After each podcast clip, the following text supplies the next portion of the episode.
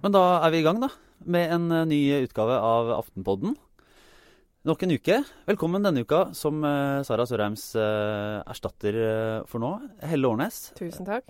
journalist i A-magasinet. Mhm. Veldig hyggelig at du kan være med. Hyggelig å være her. Og så har vi jo som vanlig, litt mer ordinært, politisk redaktør Trine Eilertsen. Ja. Og meg, politisk journalist Lars Glomnes. Eh, velkommen alle sammen. Skal vi, vi skal ta for oss eh, din tur eh, i dag, Trine. For du har vært ute i det store, det ganske land Ja. og møtt ekte mennesker. Jeg har møtt ekte mennesker ja, på, på Nordvestlandet, på Sunnmøre. Vakre Sunnmøre, må jeg si. Kanskje de ekteste menneskene i hele landet. Ja, der bor Norges kremmere i den den kanskje vakreste naturen vi har, må jeg si. Og så skal vi snakke litt om eh, Vi skal ha et, et, eh, Trines reformhjørne. Det blir både litt eh, kommunereform og litt skattereform. Ja. Og så skal vi snakke litt om dine prosjekter, Helle, for du skal også ut og reise. Å ja. Og så, for å liksom oppsummere dette, så går vi gjennom litt Vi må snakke litt om russetid, for nå, nå kommer det. Og det setter, setter alt på hodet i en måtes måneds tid, og det engasjerer. Ja. Men Trine, fortell først. Hvor har du vært? Hva har du gjort? Eh, Jeg har vært eh, i Ålesund. Fløy til Ålesund i går. eh, og dro videre til Ellingsøy og så til Ulsteinvik. Og Grunnen til at jeg dro opp der, det var at jeg hadde lyst til, følte behov for, å snakke med en del bedriftseiere, faktisk. Eh, og det høres jo kanskje litt sånn eh, ut som jeg er en utskremt fra et eller annet parti eller noe sånt. Og jeg gjorde vel litt sånn som de politiske partiene gjør. For jeg var hos NHO og holdt et innlegg på en eh, sammenheng for en stund siden. Eh, og i pausen der så fikk jeg ganske mye sånn Altså Jeg ble jo en sånn representant for mediene. Fikk ganske mye eh, hva skal jeg si, pågang. Så handlet om eh, måten vi skriver om skatt på, ikke minst formuesskatt på. Og, og det var veldig mye sånn frustrasjon rundt det. Så da tenkte jeg neimen jeg ser at de har en del poenger, en del av kritikerne eh, mot eh, oss. Ikke bare Aftenposten, men flere medier, i måten vi dekker det på. Eh, Så da fant jeg ut at jeg har lyst til å dra opp til de, høre hva de har å si. Og se om det går an å fortelle kanskje en annen historie om formuesskatt enn det vi pleier å gjøre. For det er jo formuesskatt som ligger litt uh, unna. Så Derfor så kommer vi til å få en elegant overgang til skattereformen og altså reformhjørnet i bakkant av den Jeg synes det er fint at eh, du har vært der og fått uh, på bakgrunn av kritikk som kommer helt sikkert mot, mot saker bl.a. det jeg har skrevet. Ja. Eh, det er vel litt sånn nemesis uh, for uh, formuesskattfolket, altså de som ikke vil ha den. Mhm. Men eh, ble du overbevist? Er du, er du nå Ja, altså, jeg, jeg, har, eh, jeg, har jo, jeg har jo fulgt med på debatten og vært eh, hva skal jeg si, skrevet mye om skatt opp gjennom årene. Så lenge egentlig jeg har jobbet som journalist. Eh, så jeg har eh, eh, det, det vi får kritikk for, bare for å begynne med det, eh, mange av oss, og det sier ikke bare Aftenposten, men flere av oss, det er at vi skriver veldig mye om eh, skriver selvfølgelig veldig mye om temaet. og Det er jo fordi at det er en veldig viktig politisk sak. Det er kanskje en av de viktigste forskjellene mellom Arbeiderpartiet og Høyre i skattepolitikken. Det synet på formuesskatten. Som var veldig viktig i forrige valgkamp, er veldig viktig nå. eh, og er, er viktig inn mot neste valgkamp. Eh, Så vi skriver mye om det og bruker politikere som kilder. Eh, Vi skriver også mye om det når vi leser rapporter når vi snakker med økonomiprofessorer som eh, har sine vurderinger av denne skatten. Og så snakker ikke vi fullt så mye med de som betaler denne skatten, som er disse private eierne, bl.a. på Sunnmøre. da. Eller hvor som helst i Norge. Det er jo, det er ganske mange av de.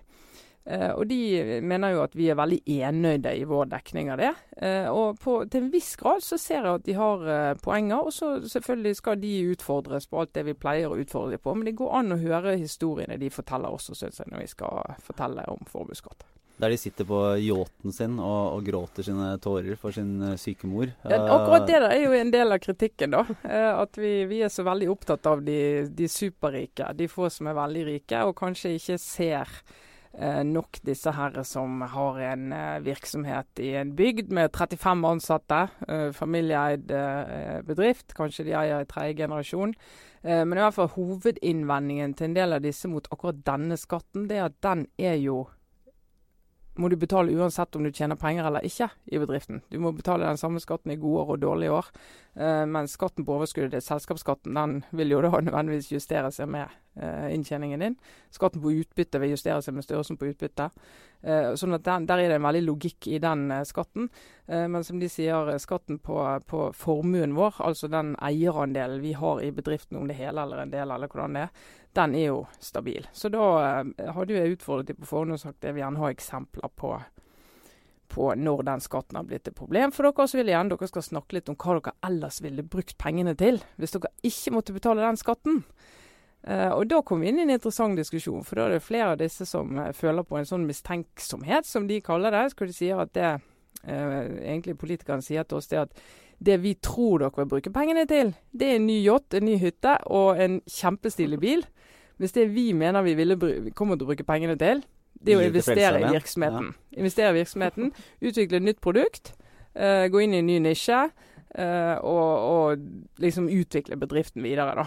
Og så var det han ene hadde en veldig god, god så sier jeg, men er ikke, er ikke det uh, naturlig at også politikerne vil tenke sånn, og tenke at fremfor at du bruker det da på en ny svær bil, så kan vi ta pengene inn til statskassen, og så kan vi fordele det til noen som trenger det, trenger det mer. Så sier, han, det, det, det, så sier han det blir som å banke ungene hver morgen før de går på skole, i tilfelle de gjør noe galt. det syns jeg var ganske vittig parallell. og, og, de hadde jo En del av de sannsynliggjorde veldig bra hvordan de ville brukt akkurat den konkrete summen til å videreutvikle et nytt produkt i en ny, ny nisje. Og de sier at det er klart i de årene det går veldig bra og overskuddene er store, eh, så ser vi at vi har en sånn eh, utfordring med å, å sannsynliggjøre at vi har problemer med å betale den skatten, eller at den er et problem. Men nå når flere og flere av oss strever, dette er jo mange av de leverer jo eh, de oljeservicebedrifter, leverer i den bransjen, så sier de at da sitter vi der med den skatten. Vi skulle så gjerne hatt de pengene til å gjøre noe inn i bedriften. Uh, og det, jeg synes det er interessante historier som vi ikke bare kan avvise. Men sier ikke alle som betaler skatt, vil jeg si at ja, hvis jeg kunne velge Hvis jeg bare kunne bruke disse pengene selv, så hadde det vært så samfunnsnyttig og så nyttig for familien og for uh, måte, den uh, lille økonomien vår. Altså, hvorfor er det annerledes for, uh, for de som har en bedrift med mye penger, enn for de som har lite penger? Ja, eller en bedrift med lite penger. og det er jo, det, jeg tror akkurat litt av forskjellen er jo at veldig mange andre av oss vi betaler jo en skatt som er avhengig av, helt avhengig av inntekten vår. Uh, jeg betaler mer skatt enn jeg, for jeg tjener mer enn jeg. Uh, og det tror jeg er helt sånn logisk henger på greip for oss alle. Uh, at du tjener mer, ja. At jeg tjener mer enn deg, ja. Det tror jeg òg er helt logisk, Lars. Åpenbart. Åpenbart.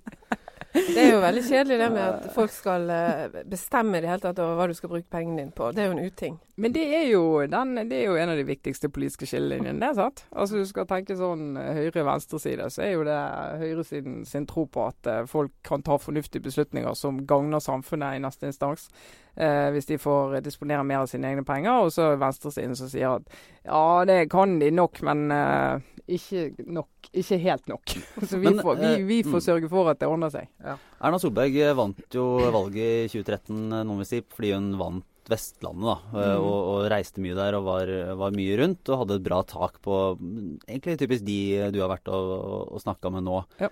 Uh, og så så jeg at uh, du var ikke den eneste som besøkte Vestlandet denne uka. i hvert fall nylig så var jo også Jonas Gahr Støre der. Og, og det sies at Arbeiderpartiet vil gjøre, liksom, gjøre forsøk på å mm på å gjenerobre noe av dette og benytte tiden mens Erna Solberg sitter opptatt med å, å styre landet i Oslo, mm. til, til, å vinne tilbake deler av Vestlandet. Ja. Fikk du noe inntrykk av hvordan den stemningen var. Hadde han, eh, har han noe å hente hos, eh, hos de formuene du var og Nei, ikke blant de. Der har ikke Jonas Gahr Støre noe å hente. Det, det, tror jeg kan si ganske tydelig. at de, de Men de er jo da ganske oppgitt over Frp og Høyre òg, som de mener ikke har fått gjort nok med utgangspunkt i det de er interessert i. Eh, så de, det er nok en frustrert velgergruppe frem mot 2017, og særlig fordi at nå oljeprisen har falt og mange av de er inne i en veldig sånn vanskelig periode. Noen av de kommer sikkert til å tappe penger frem mot neste valg òg, så de, eh, de, kommer til å ha mer enn nok å være opptatt av. Men som en del av de sier altså jeg kan ikke gå rundt og lobbe for mine saker til politikere. Jeg må jobbe, jeg må ta på meg kjeledressen og gå og fôre de her fiskene. Altså de er litt sånn uh, det er jo, dette er jo ikke de superrike som du liksom ser på, på forsiden av våre aviser. Dette er jo mer sånn ja, vanlige bedriftseiere ute, ute, i landet. Eh, men, eh, men, det som jeg tror altså Jonas Gahr Støre når han reiser rundt, det som har klangbunn, er når han reiser rundt på industriarbeidsplassene, f.eks. Ulstein, eh, i Ulsteinvik. Ulstein verft. Eh, de er veldig opptatt av permitteringsregler, og der har jo Arbeiderpartiet eh, fått en seier, må vi jo kunne si, når de har fått eh, gjennomslag gjennom lønnsoppgjøret og regjeringen måtte gi seg på hvor mange dager du skal kunne permittere før, før det er slutt. Og det, det er sånn som mange av de som ikke er eiere, og det er jo mange som ikke er det òg, er opptatt av. da. Men eh, når, når politikerne da skal tilbake og ta med seg eh, formuesskatteargumentene, vi kan ta en kort eh, liten oppsummering av hvor, eh, hva som er status i, eh, i skatteforliks... Jeg, s- ja, jeg har snakket med et par da. Det var jo litt sånn uro på onsdag, for da ble jo Arbeiderpartiet og Høyre gikk jo i, i tottene på hverandre. Og det igjen så handler det jo om formuesskatt. Det, det, på en måte tenker jeg at for alle oss som har et hjerte for skatt, så er det litt trist at denne her skatten Det, det er jo bare 1 av hele skatte- og avgiftsinntekten uh, vår. Eh, Så det er en bitte liten andel, men det er klart han har eh, ikke bare symboleffekt, fordi at det liksom om, omtales som en rikingskatt, men eh, det er jo 12-13 milliarder. Eh, Men akkurat den lille skatten der er jo det som kan velte dette forliket. Eh, og Arbeiderpartiet de ønsker seg at eh, de skal måtte fryse Altså De snakker om at de som eier aksjer i den type bedrifter skal få en rabatt. Altså at verdien på disse aksjene skal settes ned sammenlignet med den 100 sånn at skattegrunnlaget blir litt mindre, så du betaler litt mindre formuesskatt på den måten. Uh, men så vil de da at, uh, at uh, de skal kunne jobbe for at satsen kan settes opp.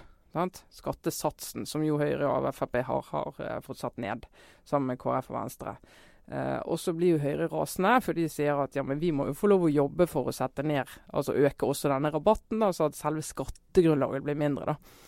Eh, og da er de eh, i tottene på hverandre. Liksom, vil dere ha forlik eller ikke? er jo Arbeiderpartiets utfordring til Høyre. Mens en del av de andre som, som sitter der, mener jo det at eh, noe som speiles her, er at i Arbeiderpartiet, i en del av Arbeiderpartiet nå i stortingsgruppen der, så er det faktisk en diskusjon om Arbeiderpartiet er med på for mange kompromisser, for mange forlik. Uh, og at det ikke gagner de frem mot valget. Og at dette kanskje er et forlik som ikke er helt riktig for de å være med på på den måten de, de legger opp til nå. Men, men altså skattereformen skal jo være i havn 10., 11., 12. mai. De skal avlevere da. Uh, og uh, spenningen akkurat i dag, torsdag, er jo hva som skjer mellom Arbeiderpartiet og Høyre. Jeg har ikke fått helt tak i folk på den telefonen som jeg har prøvd å ta om det. Så får vi se neste uke. Kan, eh, kan Arbeiderpartiet stille seg utafor et skatteforlik? Av alle forlik de skulle stilles utenfor, så ville jo jeg tro at de som er ansvarlig orientert i Arbeiderpartiet, og det er det mange som er, vi syns at det er et vanskelig forlik å stilles utenfor. Og det er jo ikke minst fordi at de har alltid fått med seg andre når de har eh, trengt det i den type forlik. Og akkurat skatt, som er en så viktig rammebetingelse for nettopp næringslivet, da, som er denne omstillingen, er jo noe alle vil skal være liksom forutsigbart over lang tid. Du skal ikke endre det i budsjettforlik på høsten. altså Det skal liksom ligge fast, og du skal komme ut av den som du har vært i før. Eh, Så et forlik har en verdi i seg sjøl på nesten en annen måte enn på flere politikkområder. Så akkurat hvis de skal droppe forliket og slutte med det liksom som en del av sin lange valgkamp, så tror jeg det faktisk flere i Arbeiderpartiet også vil reagere på at det blir akkurat det. Annen ting er det at Fellesforbundet, en del i Fellesforbundet er jo veldig på jakt etter denne formuesskatten. De syns jo ikke noe om den, for de har jo folk ute, ute på verftene og ute i bedriftene, så der er det jo stemmer så Stemmer i forbundet da, som eh, kanskje kommer til å si noe om det. Får egentlig ha et avslutt med et, eh, denne delen med et, eh, med et sånn konfronterende spørsmål. Eh, eller jeg vet ikke, det er en betraktning og litt konfronterende. Jeg vet så Du hadde fått Du fikk tatt et av eh, disse klassiske politikerbildene når du var ute på tur. Ja. Ikledd en sånn, sånn vernehjelm. Ja. Det var flott. Følte du deg Var det hvor, hvorfor, hvorfor, hvorfor det? Hvorfor Altså, jeg, hadde, jeg måtte jo ta på meg hjelmen. Men du Hvor, måtte jo ikke ta hvorfor lot jeg jeg av det. meg arbeide? Jo, det måtte jeg jo. Ja, du måtte måtte jo det. Måtte vise at jeg hadde hjelm på. Det er litt sånn så du vet, eh, Og jeg tenkte på våre venner politikerne, som jo har, eh, har på seg disse hjelmene rett som det. Men så tenkte jeg på eh, Jeg snakket en gang med Jens Stoltenberg, eh, og jeg regner med han ikke blir sur for at jeg forteller dette. Og han eh, sa det at jo da, disse hjelmbildene, de, de har vi jo. Men det verste var jo når det var fotografer med når de skulle ut i sånne matvareindustrien og sånn. Om å gå med de der hettene med strikk. Dusjhette og, Og, og og bli fotografert opp og ned. Så jeg tenker liksom, det var nå ikke det, det var hjelm. Ja, ja, jeg ser jeg gleder neste gang du skal ut på tur. Ja, så, ja. så ser jeg fram til å se deg i en sånn eh, oransje tøydrakt kasta på sjøen. Ja, det var, en jeg liten så det var en som Ja. kommenterte det, at jeg Mm. kunne jo prøve det. Ja, Fiskeforedlingsindustrien. Sentralt på Vestlandet nemlig. også. Men eh, Helle, du Ja. skal ut og reise. Og følge opp et, eh, et, langtidsprosjekt. Et Evigvarende prosjekt. Ja, du, jeg skal det. Jeg skal, altså først må jeg bare si at det er veldig imponerende å høre på Trine her nå. For oss som eh, har mer eller mindre en kamp for å i det hele tatt huske å levere selvangivelsen. Så det er ikke mange så- dager nå heller, Nei, før du må det. Jeg, jeg kom på det nå. Ja, det er bra. Altså, det skal jeg gjøre. Først skal jeg hjem og levere selvangivelsen. Og så skal jeg ut og reise. Og det skal, den reisen skal gå helt til Rjukan. Ja. Eh, eh, som er jo en um, ja, hva skal jeg si, en stolt uh, del av norsk krigshistorie, for så vidt. Eh, delvis i alle fall. Og, og der skal jeg for, trolig, for, i hvert fall for første gang, og trolig også for siste gang i mitt liv, uh, åpne en utstilling. Og Den utstillingen heter 'I seng med fienden', og den handler om et tema som jeg har jobbet med før, og det er de såkalte tyskerjentene. Mm. Ja. Og legg merke til at Helle sier tyskerjentene, Ja. og ikke tøsene. Nei. Tyskertøsene, det har vi avskaffet. Ja. For, det, for det er et veldig eh, belastende ord, selvfølgelig. Tyskerjentene er jo heller ikke noe sånn optimalt, men det er noe bedre enn tyskertøsene. Så vi landet på det da vi jobbet med dette. Eh, Og du vant jo faktisk den store journalistprisen for eh, ditt prosjekt om tyskerjentene. Ja, Da jobbet vi i Bergens Tidende samtidig. Du er jo min sjef, så du vant den på en måte litt, du òg. Ja, det kan vi kokettere og si det, vet du. Raushetens tid. Men, eh, men det som jeg syns er interessant, er at vi har jo feiret, feiret sier jeg, markert krigsavslutningen. Gjorde vi jo i, i, i hele fjor. Eh, og nå begynner vi å komme til de markeringene som handler litt om oppgjøret etter krigen. Eh, og, på å si oppgjøret med tyskertøsene, som de het den Mm. gangen. Oppgjør med oppgjøret. Eh, Mm. var jo eh, brutalt. Og jeg syns jo at det, har, det at det, det minnes med en sånn eh, utstilling, og minner om hvordan eh, så mange nordmenn gikk helt i svart på et sånt grunnlag som de gjorde den gangen, det er jo eh, vesentlig. Ja, det er fint å Ja. Nei, men jeg bare lurte på, eh, for å dra en eh, kort, uh, kort historikk, hvor lenge varte på en måte ettervirkningene? Altså når uh, Hvor lenge ja, hvor, hvor lenge hang dette ved, vil du si? Du vet altså, jo, det henger faktisk ved ennå. Det, det er jo nesten ikke til å tro. Men det er jo uh, krigsbarn Det finnes to krigsbarnforbund i Norge. Og sist jeg hørte om det, så, så sendte de ut sin post i hvite konvolutter. Anonyme konvolutter. Folk tør ikke fortelle at de er krigsbarn til sine ektefeller osv. Så, videre. så det, det er noe som har hengt ved. Og det er en sånn eh, litt sånn eh, med mange ting som er vanskelig. sant? I familien så snakker vi ikke så mye om det helt i begynnelsen, og så blir det bare en slags sånn eh, tabufisert liten historie om bestemor eller noen. Og, og, så, og så bare blir det værende der. Det går litt i arv i generasjoner, faktisk. Så jeg tror at For mange er det helt uproblematisk, men jeg tror for noen er det fremdeles ganske vanskelig. Er det nå et sånn eh, Eller jeg tenker jo litt at det kanskje nærmer seg et brytningspunkt, Ja. der eh, Mm. den neste generasjonen ikke vil se tilbake på samme måte. Men eh, Jeg tror det er litt sånn at, at det må gå to, et par generasjoner, og så, så er det som er Altså sånne nasjonale traumer. Der tror jeg det må gå en generasjon eller to, og så kan vi begynne å snakke om det på en ny måte. Og det er jo det som er fint f.eks. Med, med Norsk Industriarbeidermuseum på Vemork i, på i Rjukan. da, At eh, de nå løfter frem en, en litt sånn annen krigshistorie. da, En del av krigshistorien som vi ikke har snakket så mye om. Så synes jeg jeg er veldig fint. hva slags utstilling har det egentlig? Det er en todelt utstilling. ene handler om Norsk Hydro øh, og deres øh, litt vanskelige rolle under Eller ja, vanskelig historie, krigshistorie. Og så er det denne andre som jeg skal være med på og har bidratt litt til. Det handler om norske kvinner som hadde forhold til tyske menn. sant? Tyskerjentene. Uh, og der er en, en gjennomgangsperson som heter, eller het Else Gabler, som jeg skrev om i min bok uh, da den kom. Og familien til Else har jo delt raust med med, med utstillingen og nytt materiale osv. har kommet. Så det gleder jeg meg til å se.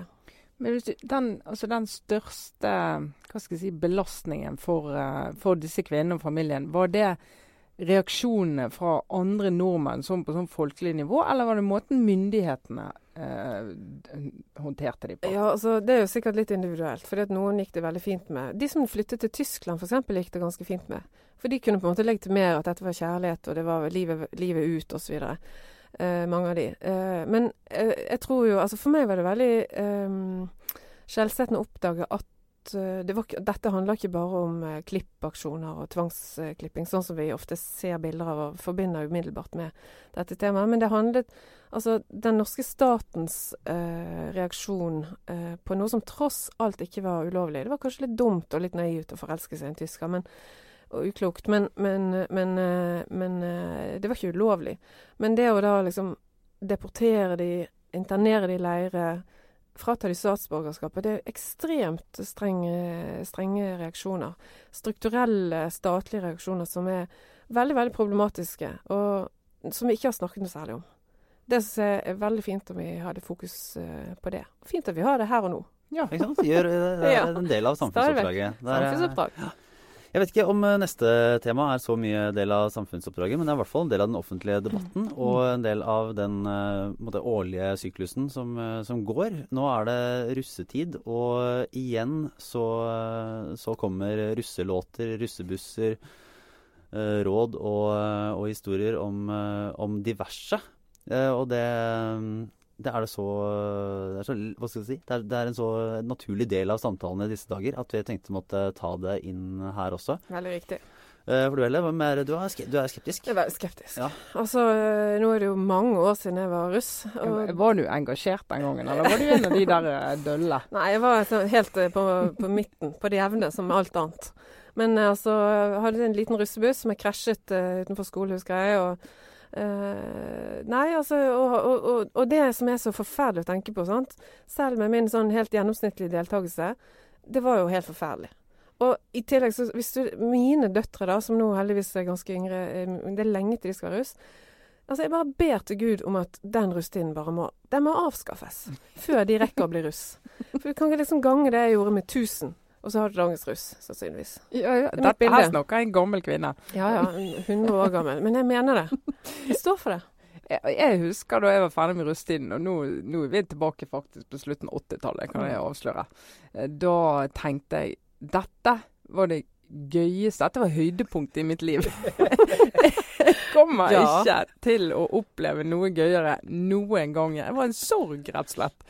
Og jeg var litt sånn jeg ville ha reunion i juni og sånn. Da var det på tide. Det var skikkelig, altså. Jeg var sikker på det kom aldri til å bli gøyere. Aldri til å bli gøyere. Men ble det gøyere? Ja, for det viste seg jo at jeg skulle jo studere. Da var det jo bare Og da var jo det, kunne du jo bare skru opp, eh, opp et tak, for da slapp jeg jo Da bodde jeg jo hjemmefra og hadde egne penger i tillegg, så det var jo eh, Jeg var, jeg var ganske kjedelig, eh, kjedelig russ. Det var ikke, jeg følte ikke at det var eh, Sykkelruss. Nei, ikke sykkelruss. Jeg hadde en eh, sånn, eh, var, bodde på landet, hadde en russe, russebil. En, en gammel Russe amerikaner Ja. Som vi durte rundt i. Men det var liksom ikke, jeg satt ikke igjen med følelsen at det var, var høydepunktet i livet. Og jeg, heldigvis gikk det litt oppover, eh, oppover i etterkant. Men, men eh, var dere, kjente dere at, eh, at på foreldregenerasjonen motarbeidet dere så Nei. Nei. Ikke i det hele tatt. Og det, og det er jo helt Det er jo kommet veldig sterkt nå, da. At vi sånne, sånne som oss sitter og, og evaluerer russen sånn på siden. eh, Det er jo umulig å la være. De trenger seg på overalt. Ja, det gjør de. De, de gjør det, altså. De hører mye fra det. Jeg bor ikke så veldig langt fra Sognsvann. Og der samles jo disse her eh, russebussene. Og Så av og til en fredag så sniker du deg opp og tar på deg gamle russedressen. Gjenopplever den beste tida i livet. Ja. Ja, Det verste er jeg har den ennå. Jeg bruker den som maledress hjemme. Nei, jeg må male en vegg, tar på med den der eh, Russ 88. Ja. Spiller du sånn I dag er det lov å være eh, hore-sanger? Hot, hot in the City med Billy Idol spiller jeg da. Ja, for nå, nå i, dag, eh, i dag torsdag så, så rulla jo i gang også debatten om disse russelåtene og, Mm. og, og den kulturen. Da er, er dere på den um, La nå ungdommen holde på å provosere litt, eller er det, ser dere det som et uh, tegn på en kultur? Eller en ukultur? Nei, det, jeg må innrømme at eh, akkurat på de sangene er jeg ikke så veldig engasjert. Men det er jo, det er jo litt drøyt. Det er jo vel, eller det er ikke bare litt drøyt, det er jo litt drøye tekster. Og jeg er litt sånn What's the point? Men la de nå holde på. Det jo, de har det helt sikkert kjempegøy. La Altså, de ha det. Det som litt, og det er jo egentlig mer, mer enn russetid å gjøre. Det har jo litt med hele det der eh, kjønnsperspektivet i en del av den populærkulturen som russetiden blir en litt sånn ekstrem variant av. Hvor det er så mange tekster som eh, omtaler eh, jenter, da. Russejenter og alle andre jenter og kvinner. Eh, som eh, på en måte som, eh, som jeg tenker at ikke russejentene sjøl reagerer veldig sterkt mot det. For det er utrolig nedgraderende, da. Og veldig sånn Ja. Men De, den, det er objekter, da. den diskusjonen har jo i større eller mindre gått, gått fra, helt fra 70-tallet. Altså, og sikkert før det òg. Men det er jo altså, hvordan, vi, hvordan vi omtaler kvinner. Vi blir liksom aldri ferdig med det. Vi er aldri ferdig med det. Pussig, i grunnen. Jeg lurte på, ja, for jeg, det, nå er jo utrolig dårlig eh, gjeng å spørre, da, kanskje. Når, eh, Ja, Gamle reier. kjerringer. Eh, Men hvem eh, For det jeg lurte på, er liksom om, om de Om jentene på russebuss har det samme musikken, eller om det er liksom Er det en er det en sånn guttebussfenomen eller ikke? Det, det har jo egentlig ikke vi ordentlig svar på. det har vi jo ikke peiling på. Nei. Men vi må jo, det er jo en podkast som har peiling på det. Ja, vi kan på det aller hjerteligste anbefale det som altså er Aftenpottens Side, som er eh, Side, altså ungdomsspaltens egen podkast, som eh, hver uke tar opp uh, veldig interessante ting. Og denne uken, uh, eller var det forrige uke, de har i hvert fall en russeutgave som, ja, som nå snart skal, snart skal legges ut. Som jeg vil anbefale alle å høre på, uansett. det er litt sånn Det er litt i, i tiden å gå inn i ungdomslivet. vet Se på Skam og Mm. og følge dette opplegget. Men de har i hvert fall De selges inn med, med det herlige sitatet fra en som deltok. Og jeg vet ikke helt i hvilken grad vedkommende mente det som stilte seg bak det, eller bare beskrev virkeligheten. Men i hvert fall, man vil ha en buss som blir husket. Det er jo en grunn til at egypterne bygde pyramidene. Det, er ikke Jeg synes- jeg Han er litt der som jeg var i 88. Ja. Dette er på en måte livets Jeg syns det fanger, fanger, fanger liksom den grandiose drømmen i å, å ha, ha ja. en Og du skal stor russebuss. overgå alle tidlige russetider. Det er jo et mål å ha. Ja. Ja. Mm. Men vi får vel eh, vi får runde for, for det her. Vi har uh, vår eh, runde med obligatorisk eh, refleksjon. Mm. Eh, Trine Eilertsen, Ja, forrige uke. Du svikta svikta Jeg jo. sviktet. Jeg, jeg strøk. Fikk, Ai, ai, eh, fikk eh, trekk. Jeg eh, hadde rett og slett glemt å forberede en obligatorisk refleksjon, som jo altså er obligatorisk. Ja. Uh, denne uken derimot så kom jeg på da jeg leste at en ansatt i MDG, Miljøpartiet De Grønne, hadde meldt seg inn i SV. Eh, og selvfølgelig sporenstreks blir uh, beskyldt for å drive og spionere på SV, men som, som han da forklarer med at han skulle bare finne litt ut hvordan de ja, organiserer dialogen med medlemmene, og ja, hvordan de gjør det, liksom. Lære litt. Lære litt. Ja, det blokkuavhengige partiet fant et uh, Ja, annet parti å, Så, å så lære litt det av. første jeg tenkte jo, men de har jo eh, Erik Solheim tett på, så det er jo bare å spørre han. Han snakker mye med partiledelsen i MDG, og kan sikkert forklare det. Eh, og det andre var, det kom jo på eh, en sak i Bergen for snart ti år siden, der eh, et eh, Bergen Tekniske Forening, et, er et lite lag i LO, hadde sittet og hatt et eller annet medlemsmøte, og det hadde blitt litt eh, fuktig utpå natten. Og så hadde de i hvert fall en eller annen diskusjon som hadde ledet opp til at de i hvert fall en av de skulle melde seg inn i Frp og gå på nominasjonsmøte og se om de kom på listen, og, og, og hvordan de kunne gjøre det. Eh, gjorde det, meldte seg inn. Eh, havnet langt ned på listen. Litt sånn listefull i Frp, men han her, da, han eh, vår mann han var ganske populær blant mange. En trener i forskjellige idrettslag for unge. Så han ble jo kumulert opp og endte opp som vara i bystyret, da. Eh, på et tidspunkt kom de jo frem, og han sa ingenting. så han satt jo Han vunnet denne planen. da. han satt jo med, med Frp og, og i møter og, og holdt på. Og så ble jo det avslørt på et tidspunkt. Og da husker jeg det var jo et par ting jeg husker. ene var jo Frp sin indignasjon. Altså Siv Jensen var så rasende. Og det var bare dette her måtte Jens Stoltenberg og alle måtte bare ta et oppgjør med ukulturen. For det var jo dette her laget hadde jo et sånt partilag i Arbeiderpartiet også. Så det var litt der. Eh, og og eh, Martin Kolberg som beklaget på, Jeg tror det var på Dagsrevyen. Det var helt sånn, men det var altså så Han her er stakkars Jarle, da, som han het. Som jeg skal ikke si etternavnet hans, for det er så lenge siden nå at det nesten under han å bare hete Jarle. Han eh, stemte jo med Frp i bystyret og gjorde liksom ikke noe sånn Han saboterte ikke, da. Men det, men det ble en veldig veldig vond sak for dem. Ranika det- arrangerte noen møter hjemme hos seg. Ja, det var, det, det, Ja, det det, litt sånn, det det var en veldig ja. eh, merkelig muldvarpaktivitet. Det var, og det var muldvarp han ble kalt da, men det var det er litt sånn Ja, det er politikken, altså. Har litt vittige, vittige historier. Den vidunderlige bergenspolitikken. ja, den blir vi aldri lei av nei, nei, heller. nei, aldri lei. Og nå blir det bybane over Bryggen. Oh. Ja. Det kunne vel vært en egen podkast i seg selv. Eh, men eh, Helle, hva, hva drar du inn i den Ja, obligatoriske Altså, det var naturlig for meg nå, i den grad jeg har reflektert, så var det naturlig å reflektere litt over mitt møte med den godeste nobelprisvinner i litteratur, Svetlana Aleksejevitsj. Hviterussisk eh, forfatter, som har brukt altså de 30 siste årene på å skrive om, ja, i kort trekk, krig og elendighet. Og det er jo ikke noe lystelig. Men jeg var i Berlin og møtte henne da, eh, her forleden, og, og skulle intervjue henne i forbindelse med en bok hun har skrevet. Og da var hun rett og slett eh, Altså, jeg på det sterkeste anbefaler de bøkene, men hun var ganske sur. Ganske umotivert.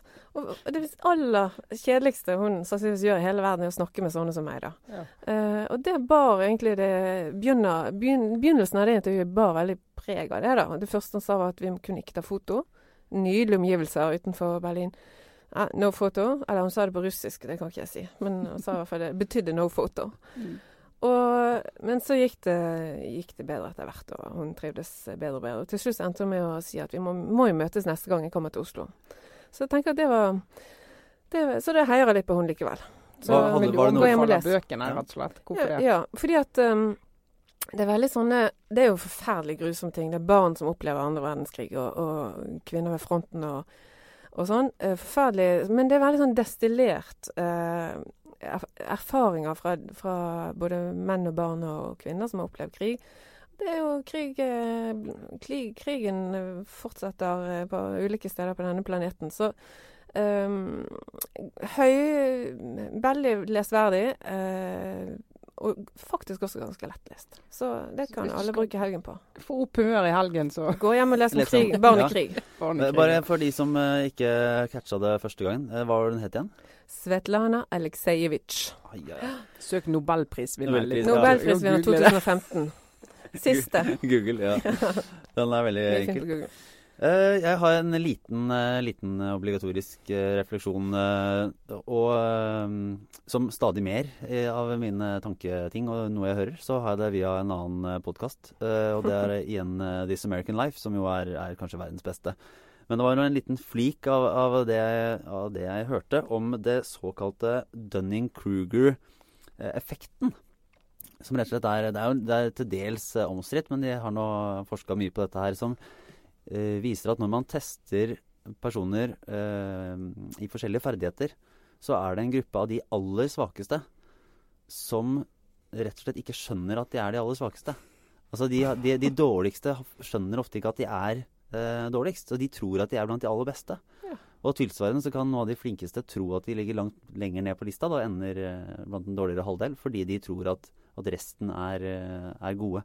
Men eh, det var jo særlig denne det at jeg tenkte videre på at den effekten kan man jo faktisk til en viss grad slippe unna med i politikken. Mm. Der er det litt sånn derre folk som ikke helt skjønner at de har en dårlig sak, eller skjønner at de har misforstått noe, men, men durer på med den aller største selvtillit og, og tro på at de nå har funnet, eh, funnet løsninger. Mm. Uh, og så kan man jo eh, diskutere blant uh, si, seg selv hvem det skal gjelde. Det, det gjorde vi jo før vi gikk på luften. Ja, da navnga vi opp til er- flere. Men det åpenbare må jo være presidenten eh, eh, den, eh, Altså Donald Trump. Han Ja, må jo være et, som har litt han må være et godt eksempel på det. God illustrasjon. Ja, ja, altså. ja, ikke så, som ikke nødvendigvis forstår alt det som skjer, men gir en fryktelig selvsikker uh, Ja, så en fremføring som gjør at mange andre som ikke forstår Også, det som ja. tror jo på det. da. Ja. Ja. Og så oppnår han målet sitt selv om, ja, Ja. på tross av, eh, av ferdighetene. Men det har jo jeg av og til eh, som eh, Jeg studerte jo altfor mye altfor lenge, og det, og det har jo fått mye glede av. Men noe av det som eh, prisen ved å gjøre det, det er at egentlig for hver time du studerer, mener jeg, eh, så går det opp for deg hvor lite du kan. Altså Du åpner Mm. eh, små universer, så du ser at her er det så mye. Det er så hvis du, hvis du plutselig hører en fantastisk plate en dag, eller leser en fantastisk bok og tenker på at å herregud, så få av disse jeg skal rekke i løpet av et liv. Eh, og, og frustrerer deg over det. Men når du studerer òg, så blir det sånn Hjelp meg så lite jeg kan. Det, det følte jeg veldig på. Jo lenger jeg studerte, jo verre ble det. Men er da Trine et eksempel på den andre? Altså Du har Donald Trump i ene enden og skal han også Trine i den andre enden. Det syns jeg vi skal si. Ja, det, det vil jo denne, flink, dette lille snikskrytet eh, muligens uh, liksom, Men det, noe av det fascinerende er at det, det kan jo skje på mange områder. Så man må jo være klar over at uh, hos seg selv så kan det være noe av det man er mest sikker på at man har forstått eller har rett. Mm. Kan være der man er aller dårligst. Åh, orker ikke tenke på det. Så eh, med Ja, den lille ja. tanken så kan vi Nå avslutte har for sådd den eh, usikkerheten, ja. så sier vi takk Ja. for nå. Helg, liksom. det, lille, det lille frøet der kan ligge og, og spire inn, eh, i våren. Uh, og så takker vi for oss. Uh, Helle Årnes, veldig hyggelig at du kunne være med. Takk. Eh, takk Det var veldig meg. hyggelig at du også var her, Trine. Jo da, takk. Litt Takk. mer, litt mer ordinært, men litt, mer, litt mer sånn, ja. Det vil jeg ikke si. Vi må ha hverdager òg. Ja, Vi kanskje kommer ikke helt utenom reformene, vet du. Nei, nei, nei. Nå hoppet vi over kommunereformen, men det kommer vi tilbake til. Vi kommer alltid tilbake til det. Eh, Jeg var Lars Glomnes. Eh, takk for oss. Vi er tilbake kanskje ikke neste uke, faktisk. Da er det Kristi himmelfartsdag. Ja, og jeg har fri. Det- Men eh, uka etter der er vi tilbake. Ja. Ha det bra.